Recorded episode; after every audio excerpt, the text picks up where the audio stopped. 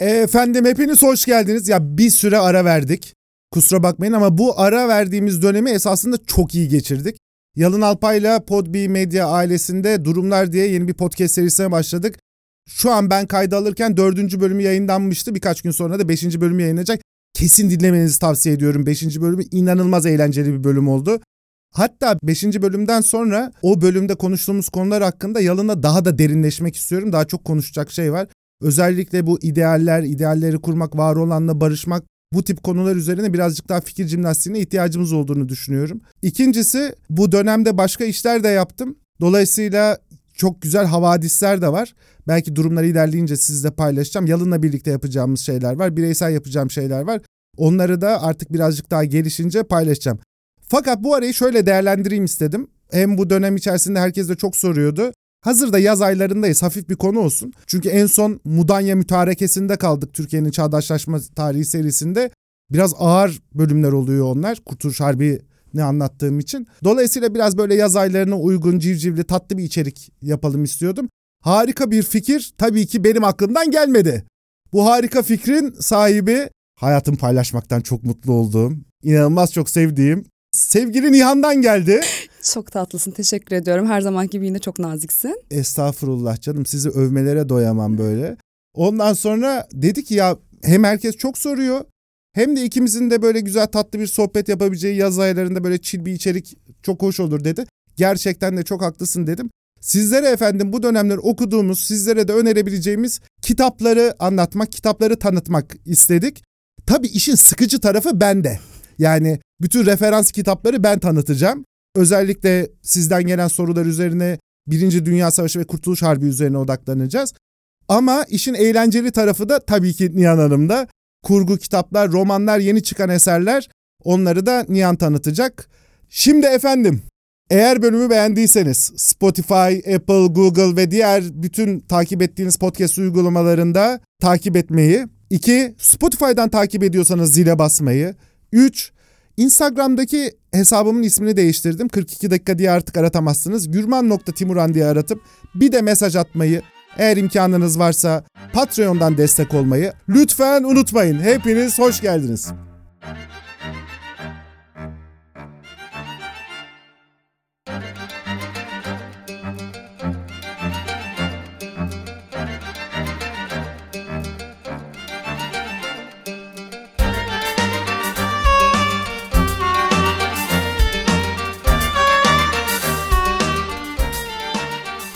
Evet Nihan başlıyoruz. Senle başlayalım. İlk kitap böyle şöyle kurgu olsun.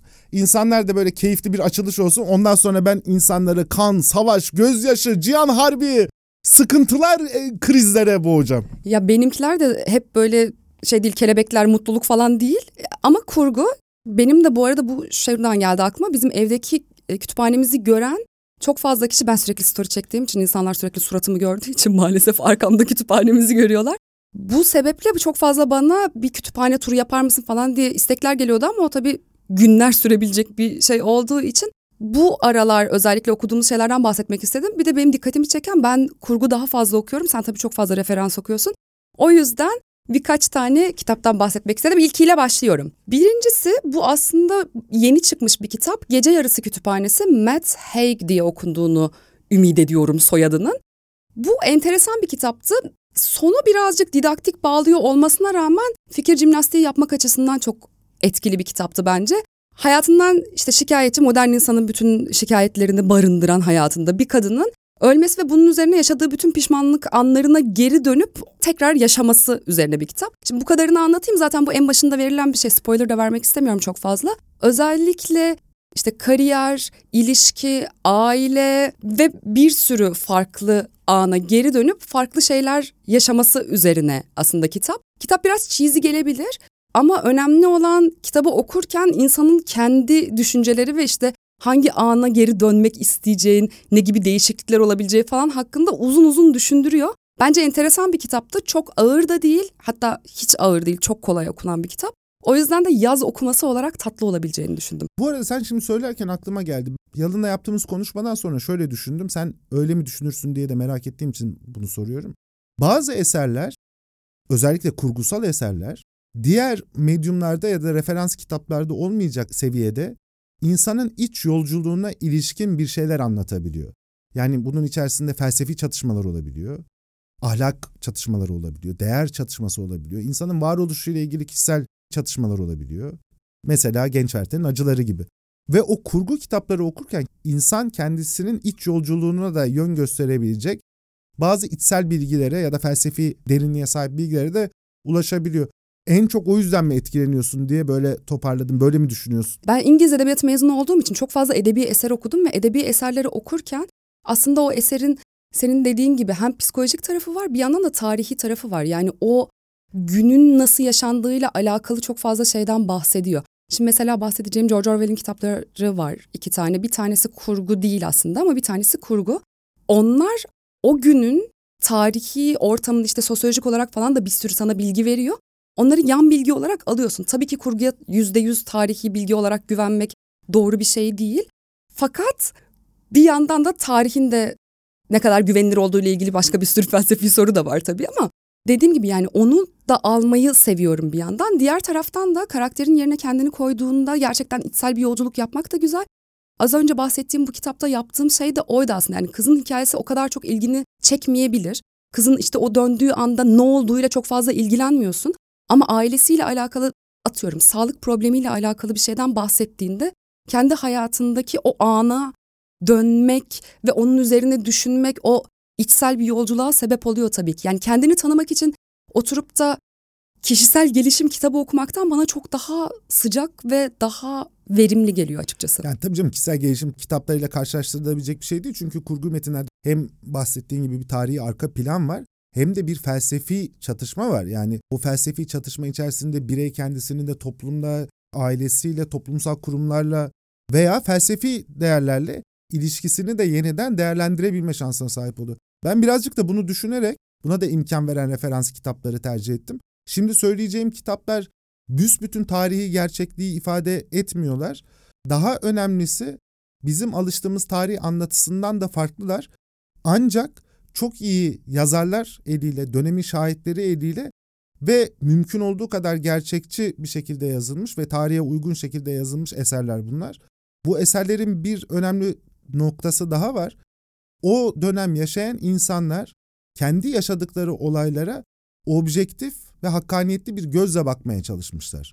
Ve tarihi gerçekleri çarpıtmadan mümkün mertebe olduğu haliyle ifade etmeye çalışmışlar. Ama bildiğimiz tarih kitaplarından da farklı bir anlatıyla o dönemin psikolojisini ve bu olayları yaşayan insanların günlük hayattaki yolculuklarını, içsel çatışmalarını da ifade etmeye çalışmışlar. Şevket Süreyya Aydemir'in bu yazarın ismini kaydetmenizi isterim. Bütün eserleri çok kıymetlidir. Türkiye açısından bir kere çok özel bir yazar. Bu şekilde konulara bakabilmek, kendi politik felsefi inançlarının ötesinde de değerlendirmeler yapabilmek ve son derece tarihi gerçeklere uygun bir şekilde tarihi gerçekleri çarpıtmadan yazmaya çalışırken aynı zamanda olayları yaşayan insanların içsel dünyalarını da kavrayıp bunu da ifade edebilmek nadir bir yetenek. Enver Paşa kitabı 3 cilt. Şu bakımdan çok önemli. 3 cildin üçünde de bugüne dair şöyle bir şey bulabileceğimize inanıyorum. Enver Paşa'nın biliyorsun bir yükseliş dönemi var. Hürriyet kahraman çok genç yaşta oluyor. Arkasından 31 Mart isyanı. Arkasından Mahmut Şevket Paşa suikastinden sonra İttihat ve Terakki yönetiminin tam olarak iktidara ele alışı. Bu dönemlerde başlayan ve Birinci Dünya Savaşı'na giden ve sonra da Anadolu'daki Kuvayi Milli Hareketi'nin güçlenmesiyle Kurtuluş Savaşı mücadelesinin dışında kalıp gerilediği, en sonunda da hazin bir şekilde hayatını kaybettiği bir dönem. Bu dönemin tamamını anlamak neden yararlıdır? Şundan yararlıdır. Bugün yaşadığımız gerçekler de bundan hemen hemen çok bağımsız değil. Bir kişiye, bir kuruma ne kadar kıymetli olursa olsun, ne kadar değerli insanlar olursa olsun, bütün yetkiyi, egemenliği vermek hem o insanlara hem de toplumun kendisine karşı yapılmış bir kötülük oluyor. Mustafa Kemal'in bir tane lafı var. Milletler diyor ne olursa olsun tüm yetkiyi ve egemenliği bir meclise de vermemelidir. Çünkü diyor her türlü istibdat çoğunluk eliyle de kurulsa, bir kişi eliyle de kurulsa milletleri ancak ve yalnız felakete götürür. Bu dersleri almamış bir toplumuz. Ee, inşallah ileride bizler ve hepimiz için bu işler daha iyi olacak. Nasıl bak bu da oluyormuş değil mi? İlla kurgu olmaya gerek yokmuş. İnşallah insanların gözünü birazcık korkuttuğunun farkındasındır umarım üç cilt diyerek. Bu arada şey çok sıkıntı ya hakikaten insanın artık uzun bir metni okuyacak kadar hem kendisinin zaman bulabilmesi hem de dikkatini ayırabilmesi gerçekten çok zorlanıyor. Ben eskiden okuduğum kitaptan çok daha az okuyorum. Onu da biraz itiraf etmekte fayda var. Ben de öyle canım. Kesinlikle öyle yani. O yüzden işte böyle üç cilt falan deyince geçenlerde bir tane aldım öyle üç ciltlik kitap. Sonra durdum durdum dedim ki buna şu an başlamamalıyım. Sonra paylaştım. Herkes dedi ki ya bu çok kış kitabı, kışın başlaman lazım, kar anlatıyor falan. Dedim ki gerçekten bunu bekliyordum. çok teşekkür ederim. toplum sana destek Aynen toplum bana destek oldu. Aynen ben de uzatacaktım zaten. Bunun için tabii birazcık daha öykü kitapları falan okumak faydalı olabiliyor. Çünkü kısa kısa olduğu için en azından e, biraz idare edebiliyorsunuz. Veya onun dışında tabii şeyin de faydası var. Çok böyle kısa bölümlendirilmiş kitaplar. Onlara da geleceğim ama önce bu tarihten bahsettiğin için bir şey söylemek istiyorum. Bir kitaptan bahsedeceğim. Yağ ve Mermer diye bir kitap okudum. Enteresan bir kitaptı. Stephanie Story yazarı. Bu işte hani tarihsel kitaplar falan dedik ya bu aslında tarihsel bir kitap gibi ama tam değil de Floransa'da geçiyor. Leonardo ve Michelangelo arasında Davut heykelinin yapıldığı taşın Mermerin. yarışı oluyor. O mermeri, mermer tek parça bir mermermiş. Daha önceden başkaları onunla bir şeyler yapmaya çalışmış. Buraları doğru. Bir şekilde taş Michelangelo'ya veriliyor. Ve e, aslında Leonardo bunu biraz kıskanıyor. İşte arada böyle şey comeback'leri falan var. İşte Botticelli'ler falan böyle araya giriyor. Onlar da böyle muhabbet var. Şimdi bunların tamamı gerçekçi olmasa bile Floransa'nın o sırada gerçekten bir savaş içerisinde olduğu şeyini alabiliyorsunuz. Leonardo Mona Lisa'yı yaparken onun bir hikayesi var. Tabii buralar kurgusal. Tabii Michelangelo'nun ailesiyle problemlerini anlatıyor. Heykelin yapılması ve heykelin teknik bazı problemleri var. Taşınma problemleri var falan. Davud'a da birazcık daha farklı bakıyorsunuz. Bir de ben tabii çok sevdiğim için o dönemin sanatını falan da çok sevdiğim için hem çok hızlı aktı hem tatlı tatlı böyle bilgiler de verdi ve güzel de eğlenceli de bir metinde bir de şey de vardı böyle elti gibi kavga etmeleri de komikti. ya şöyle bu, bu tip tarihi karakterler hakkında yazılmış romanlarda tabii ki romanın hem yapısı formatı gereği bizi etkileyen hikayeler var. Onları yeniden üretmek istiyoruz yani. Dolayısıyla o karakterlere bu hikayeler yeniden yapıştırılıyor. O arketipler o karakterlerin tekrar üstüne konuyor ama benim çok eğlenceli bulduğum bir şey yani böyle tanıdığımızı zannettiğimiz ve bir şekilde bildiğimiz dünyaya da artık damgasını vurmuş. Şöhreti yedi kıtayı buluşturan insanlar hakkında bir yazarın böyle zekice bir kurgu yapması çok hoş bir deneyim bence yani. Hani bunu eğer iyi yaparlarsa muhteşem bir şey oluyor bence. Tabii yani e, oturup mesela sanat tarihi kitabı okuyabiliyorsunuz. Bir sürü sanat tarihi kitabında Leonardo ile ilgili, Michelangelo ile ilgili bir sürü şey okuyabiliyorsun ama o bir yerde hani ders kitabı gibi oluyor. Ama şimdi böyle komik bir şey üzerinden gittiğinde eğlenceli oluyor. Bu arada hani footnotları falan da iyi ama tabii ki aralarındaki böyle hani tırnak içerisinde söylüyorum çocukça bir çekişmenin bütün kayıtları falan yok yani onu da iddia etmiyor ama o çok eğlenceli bir okuma sağlıyor insana. Onu bir yerde hayal etmek bile çok güzel değil mi? Bu belki masada buluşuyorlar, belki bir yere gidiyorlar.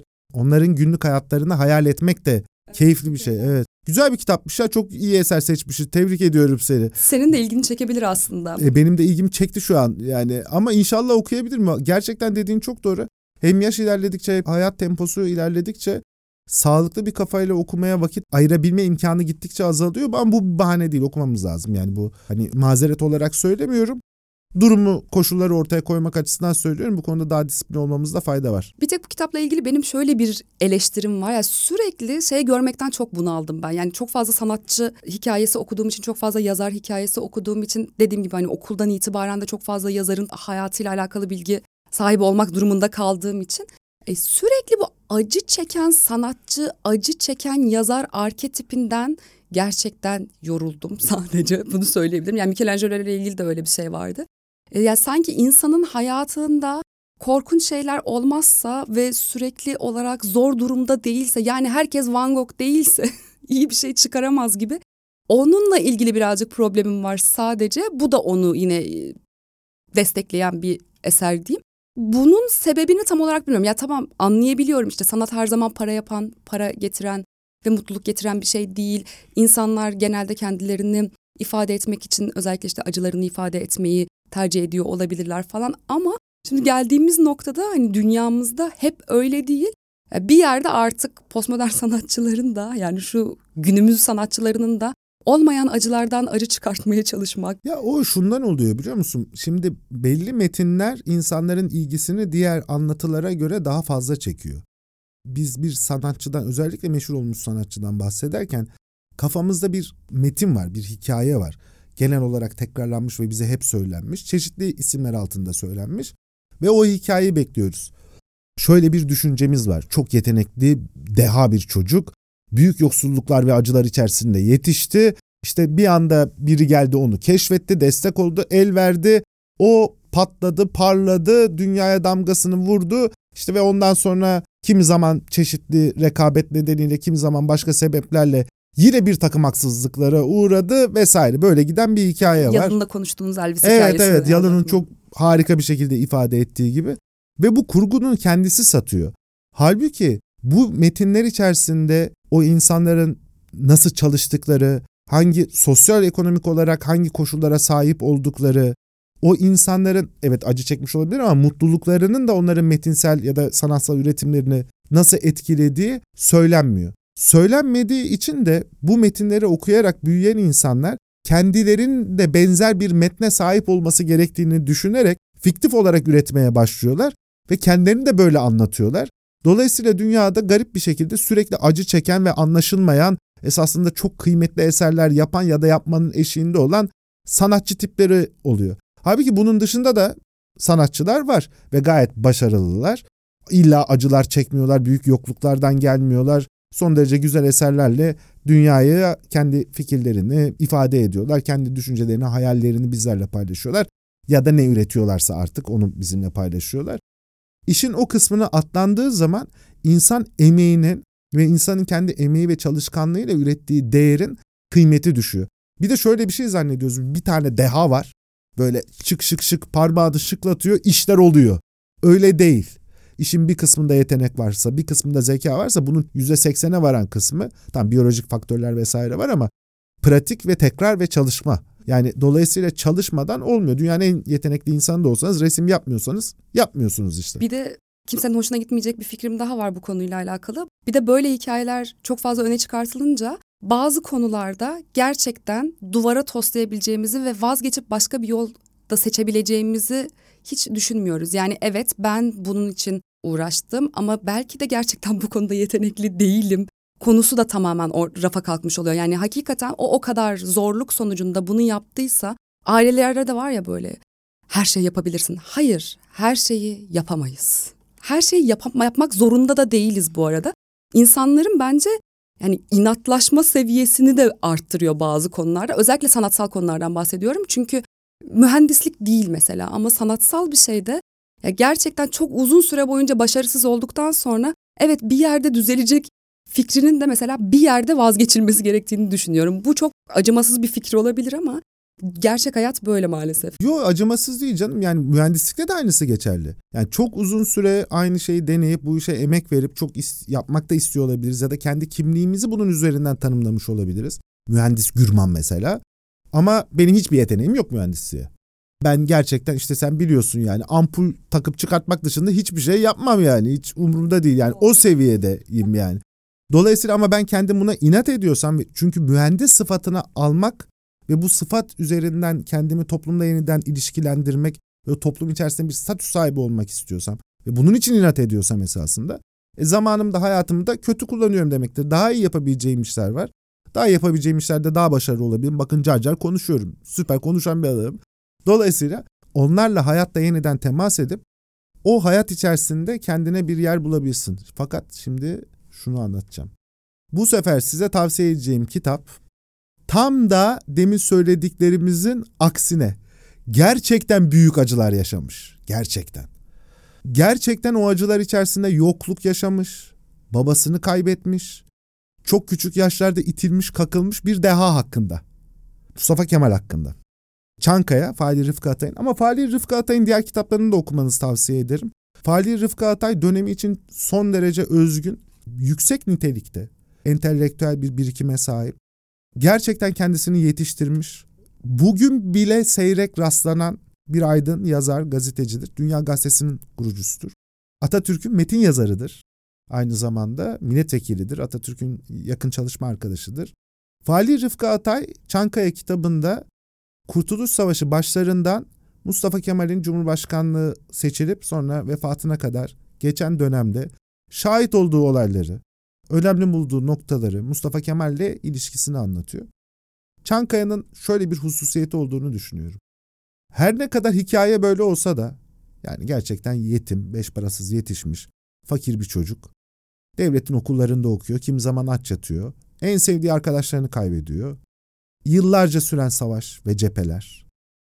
Bu cephelerin sonunda büyük bir zafer ve o zaferin arkasından gelen durmak bilmeyen bir mücadele, yeniden toplumu imar etme, inşa etme mücadelesi. Bu mücadele içerisinde Mustafa Kemal'in bize gösterdiği baskın özelliğinin bu anlattığımız deha sanatçı hikayelerinin dışında bitmek bilmeyen bir merak duygusuyla bütün dünyayı sürekli araştırma ve çalışma olduğunu görebiliyoruz. Kendi dönemindeki birçok insan Edirne'nin ötesini hayal etmekte zorlanırken Mustafa Kemal İngiliz gazetelerini takip ediyor, Fransız gazetelerini takip ediyor, yeni çıkan eserleri okuyor. Durkheim'ın mesela sosyolojisini üzerine çalışıyor. Yeni çıkan hukuk felsefesi kitaplarını okuyor, iktisat kitaplarını okuyor ve aynı zamanda bütün sahip olduğu çalışma arkadaşlarıyla birlikte çok yüksek bir tempoyla toplumu başka bir seviyeye getirmek için canını dişine takıyor ve bunun için kim zaman özel hayatından feragat ediyor. Kim zaman sağlığından feragat ediyor. Başarmak istediği, yapmak istediği işler için de bu bedeli ödemesi gerektiğini bir ölçüde biliyor. Ben mesela Mustafa Kemal kadar öyle bir adam değilim. Yani öyle bir insan da tanımıyorum doğrusu. Ben rahatına Aa, düşkün bir adamım Kimse yani. değil gibi ama sen bilirsin. ya ben özellikle rahatına düşkün olduğumu da söylemek isterim. Dolayısıyla e, şöyle bir açıdan da konuyu ele almasını özellikle tavsiye ederim ya da öneririm. Şöyle bir beklenti var ya. Sanatta bu tabii daha çok. Ama bir deha gelecek her şeyi değiştirecek. Mesih beklentisi. Eski ismiyle Meşaya. Yağ sürülmüş demek, seçilmiş. Öyle bir şey yok. Dehalar var ama onlar da eksiklikleriyle, insani zaaflarıyla, güçsüzlükleriyle var. Ve bizim erişilmez, ulaşılmaz zannettiğimiz şeyleri de normal bu şekilde yaşayan etten kemikten insanlar yapıyorlar. Dolayısıyla asla umutsuzluğa kapılmayın diyerek orko bir şekilde böyle oldu mu? Güzel orkoluk oldu mu ya? Oldu. Oldu Evet. tamam süper.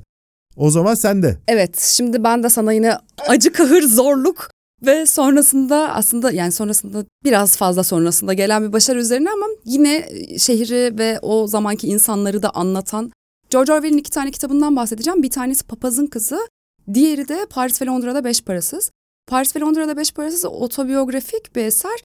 Orada beni en çok vuran şey şuydu ya aslında önce konusundan bahsedeyim. E, Kendisinin Paris'te sonra da Londra'da yaşadıklarını anlatıyor. O kadar büyük bir fakirlikten bahsediyor ki yani bizim fakirlikten yani daha doğrusu benim fakirlikten anladığım şeyden çok daha başka bir fakirlik seviyesini anlatıyor. Yani yokluğun inanılmaz bir dibinden bahsediyor ve beni orada en çok etkileyen şeylerden bir tanesi de bu yokluğun insanların kendi ahlakları için e, ne gibi böyle zelzeleler yarattığı. Yani insan o kadar fakir olunca ve o kadar büyük yoklukta olunca, aç olunca, yatacak yeri olmayınca falan yani insanın kendisi için belirlediği değerler, onur, gurur falan diye belirlediği şeylerin tamamının ne kadar büyük sallantıya uğradığı ve artık o noktada yani Maslow'un o kadar dibine düştükten sonra hiçbir şeyi gözünün görmediğini anlatıyor.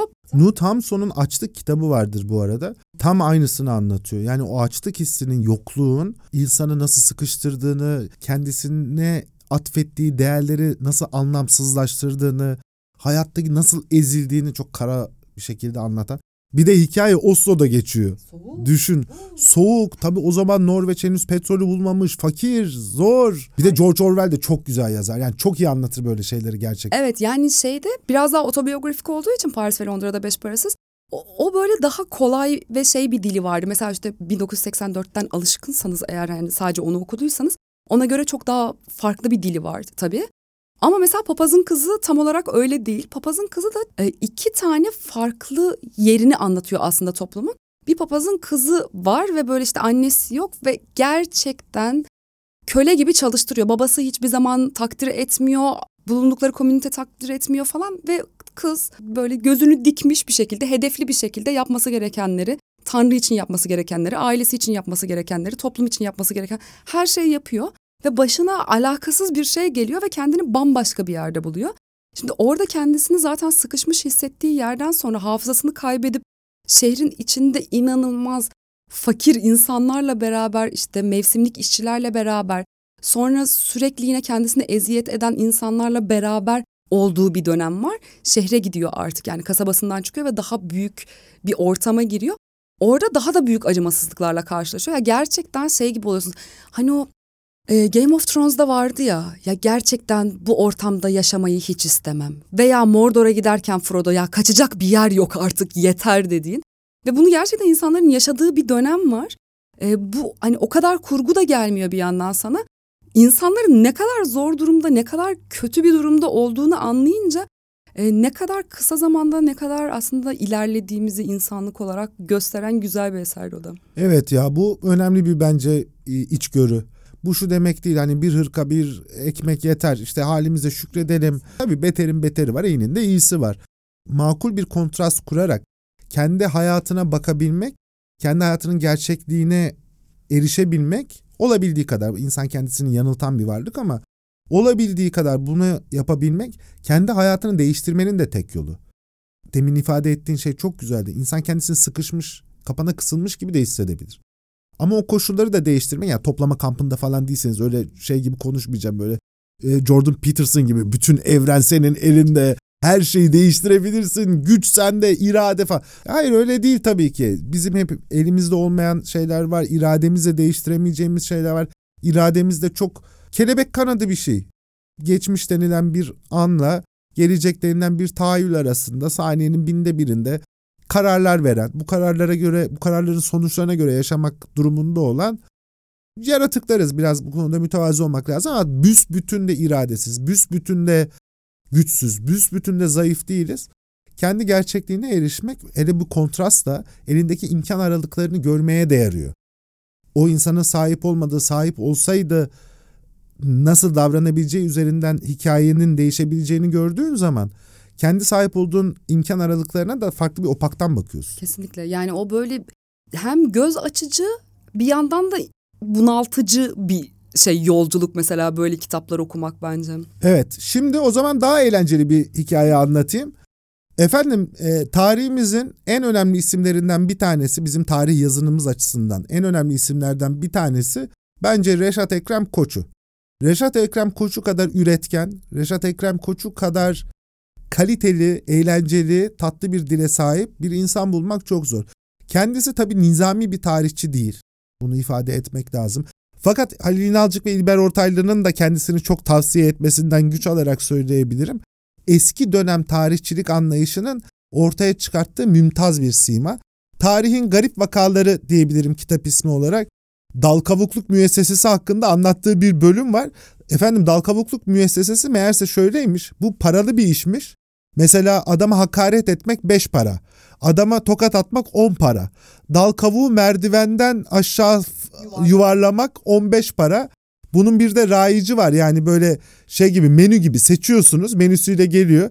Efendim diyor ben sizi öveceğim diyor mesela 5 para veriyorsunuz. Adamı keline tokat atmak istiyorsunuz 10 para veriyorsunuz. Bütün gün böyle eğleniyorsunuz. Bu işi bugün de yapanlar var. Bitmiş bir meslek değil. Yani tokat yiyor, hakaret yiyor. Ama bunun karşılığında parayı peşin almıyor, farklı yollarla nüfus kullanarak alıyor.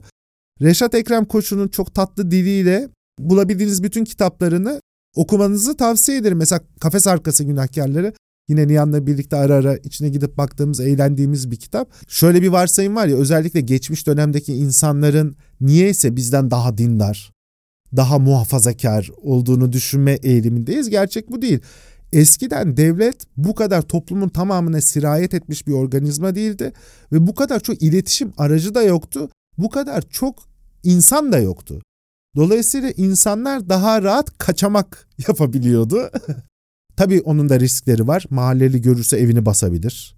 Sopalarla dayak atabilir. Başka başına daha kötü şeyler gelebilir. Ama tabii ki aşk vardı, sevgi vardı, ihtiras vardı, şev- şehvet vardı.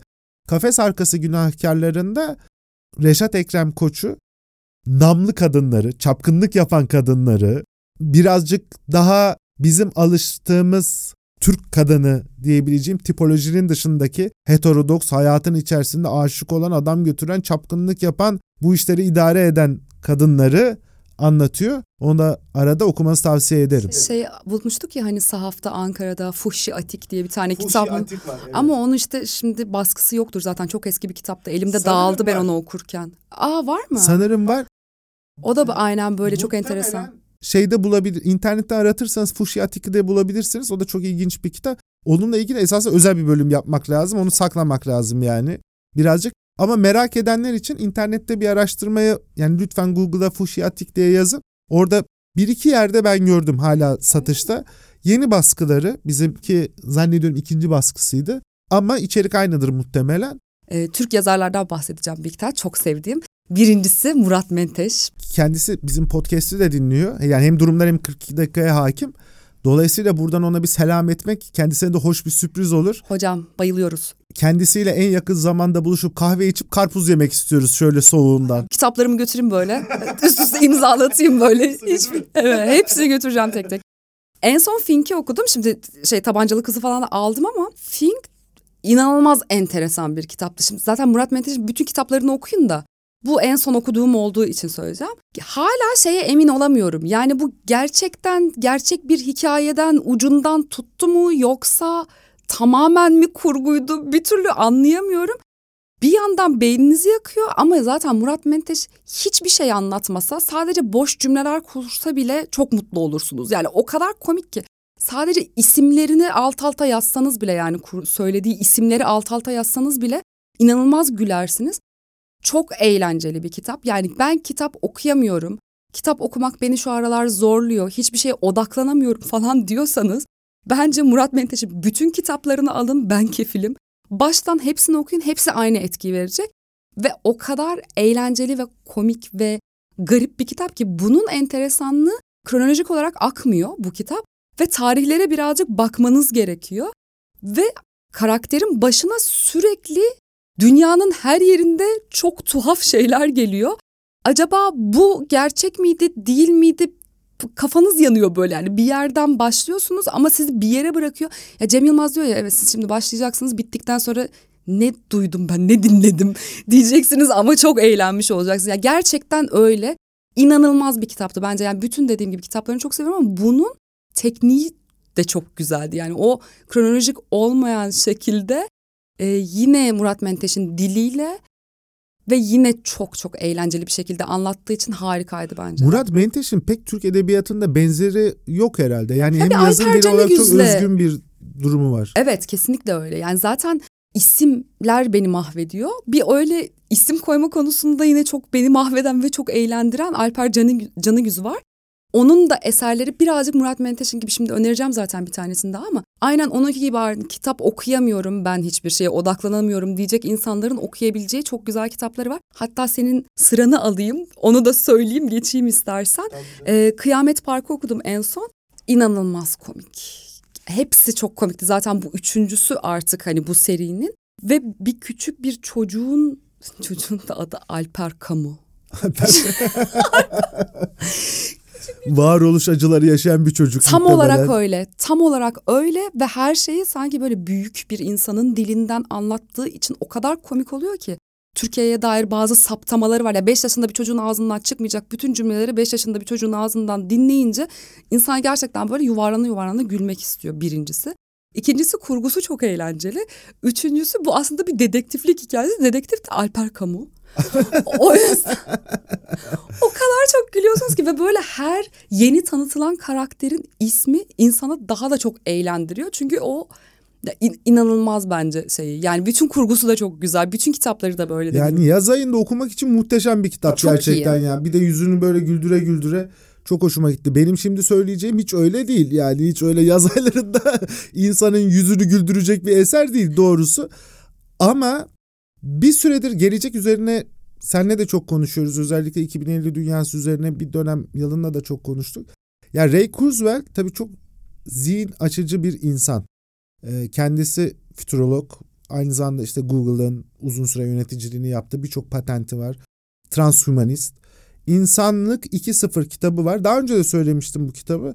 Şöyle bir bakmanızı tavsiye ediyorum. Bu aralar bu tip gelecek üzerine düşünmenin bizi içinde bulunduğumuz dünyadan, günden de biraz kurtarıp daha geniş bir çerçevede büyük resmi görmek dediğimiz çerçevede bakmaya yarayabileceğini düşünüyorum. Yakın zaman içerisinde Harari ile ilgili ciddi tartışmalar çıktı. Önemli yazılar yazıldı.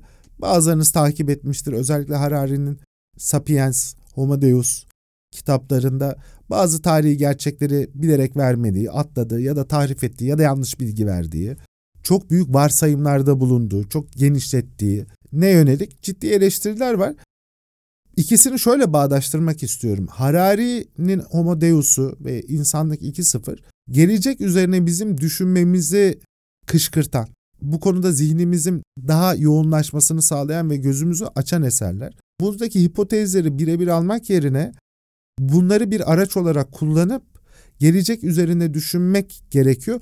Çünkü ne yazık ki ya işte sen de biliyorsun yani günlük gündemimiz özellikle Türkiye'de o kadar dar, küçük, o kadar bir insanı sıkıştıran bir gündem ki yani zihnimizi de böyle mengeneye almış gibi. Bu ülkenin Merkez Bankası Başkanı çıkıyor bir iş insanına alma kardeşim alma. Hatta böyle bile değil alma abi alma diye kahvehanede konuşur gibi konuşuyor. Bu insanların ürettikleri gündem de bizi o kahvehane ve küçük gündeme sıkıştırıyor. Halbuki biz bundan çok daha büyük bir ülkeyiz. Biz bundan çok daha iyisini düşünmeye, iyisiyle ilgili sorunlar yaşamaya ve iyisini çözmek için çalışmaya layık insanlara sahip bir ülkeyiz. Geleceğin geldiğini umarım göreceğiz hep birlikte. E, ondan sonra da yapacak çok işimiz var. O iş yükünün ne kadar büyük olduğunu da bizlere hatırlatan bir eser. Bir şey de söylemek isterim.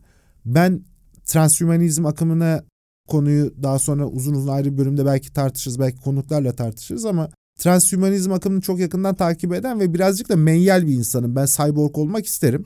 Bence iyi bir özellik. Organik bedenlerin bir ton sorunu var. Cyborglar iyidir. Veri akış biçimlerini böyle soldan sağa akan zaman biriminde sesli olarak karşıdakine bir metin olarak ifade etmek yerine upload edebilmeyi çok isterdim. Tabii podcast işi böyle devam etmez ama upload edebilir hale geldiğimizde podcast'te de ihtiyacımız olmaz zaten.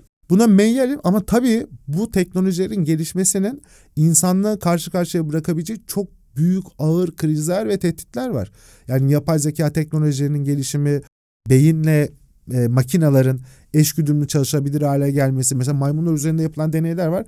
Takıyorlar çipi maymuna. Maymun bulunmadığı bir odadaki kolu kullanarak muz alıp ağzına getirebiliyor.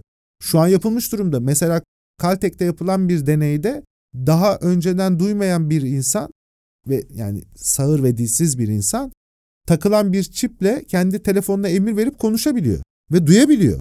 Dolayısıyla bu yeni teknolojiler hayatımızı inanılmaz şekilde de- değiştirecekler. Herkesin hayatını aynı ölçüde değiştirmemesi ve bunun hukuki olarak herkese ulaşılabilir olmaması üzerine çok fazla soru işareti var bildiğim kadarıyla. Yani işte bu zenginle fakirin aynı oranda buna erişiminin olmamasıyla alakalı çok fazla problem var bildiğim kadarıyla. Yani hukuki olarak hem kanun koyucuların buna nasıl bakacağı ve nasıl e, şey yapacağı hem nasıl fiyatlı fiyatlanacağı hem de insanların yani zaten zenginle fakirin arasındaki bu kadar ayrım varken ya gidip de işte Elon Musk'ın bir de buna erişmesi sonra onun çocuğunun erişmesi ya gerçekten büyük bir kırılma haline geliyor orada. Ya çok haklı bir şey söyledin. Güzel bir tartışma konusu da açmış oldum böylece. Şöyle transhümanizm akımının içerisinde sadece sibernetik bedenlere sahip olmak ya da brain machine interface'ler falan yok. Aynı zamanda gen mühendisliği de var. Dolayısıyla şunu da söylemek lazım. Mesela hamile bir kadın çocuğunun analiz ettirip belli DNA'da yapılacak değişikliklerle belli özelliklere sahip olmasını isteyebilir. Bunlar çocuğunun mavi gözlü olması gibi daha çok estetik talepler de olabilir. E çocuğumun aşırı zeki olmasını istiyorum gibi talepler de olabilir. Ya da işte kanser hastalığına yatkındır ya da işte başka MS hastalığına yatkındır. Bunlara ilişkin müdahaleler etik olarak daha normal karşılanabilirken e çocuğumun aynı zamanda daha fazla metabolizmasının daha hızlı çalışmasını, daha çok yağ yakmasını, daha kaslı bir bedene sahip olmasını, boynunda 1.90 olmasını istiyorum da diyebilir. Parayla bu hizmetler satın alınabilir hale geldiği zaman o zaman ortada türümüz açısından şöyle bir sorun olacak. Bu tarihe kadar türümüz tabii ki parayla sosyal olarak ayrılıyordu. Elbette insanların sahip olduğu imkanlar ve erişimleri çocuk yetiştirmekten, o çocukların gelecekteki hayatlarından günlük yaşama kadar toplum içerisindeki sınıflar ve insanlar arasında büyük farklılıklara neden oluyor ve bunu şimdiden yaşıyoruz zaten. Ama para hiçbir zaman türümüzü değiştirmedi. Tek bir türün üyesiydik. Bu tip genetik mühendisliklerle para toplumu iki ayrı türe çevirebilir. Türün bir kısmı paylaştığımız homo sapiens'in bir kısmı, insanların bir kısmı 70 sene, 80 sene normal ömürlerini süren insanlar olurken bir kısmı 200 sene, 300 sene yaşayabilen çok zeki, donanımlı, kaslı, acayip güzel yaratıklar olabilir ve bu türdeki bu ayrışma sürdürülebilir değil. Etik boyutundan bağımsız olarak toplumsal açıdan da sürdürülebilir değil. Dolayısıyla bu tip konularda hani işin güzel tarafını hep düşünüyoruz. İşte kanser hastalığını yeryüzünden sileceğiz diye ama bir de böyle bir yönü de var. Herkes için silecek miyiz bu da en önemlisi. E, Yani evet bunun herkes bunu bunun erişilebilir olması lazım ve bunun etik olarak belli ve hukuki çerçevede olması lazım. Bu şekilde artık kapatalım mı? O zaman efendim sizi çok seviyorum. Nihan'cığım çok teşekkür ederim. Ben Harika bir yayın oldu. Efendim çok teşekkürler bizi dinlediğiniz için. Nihan'ın YouTube kanalı var. Niyaz. Instagram'da da Niyaz. Takip etmeyi unutmayın.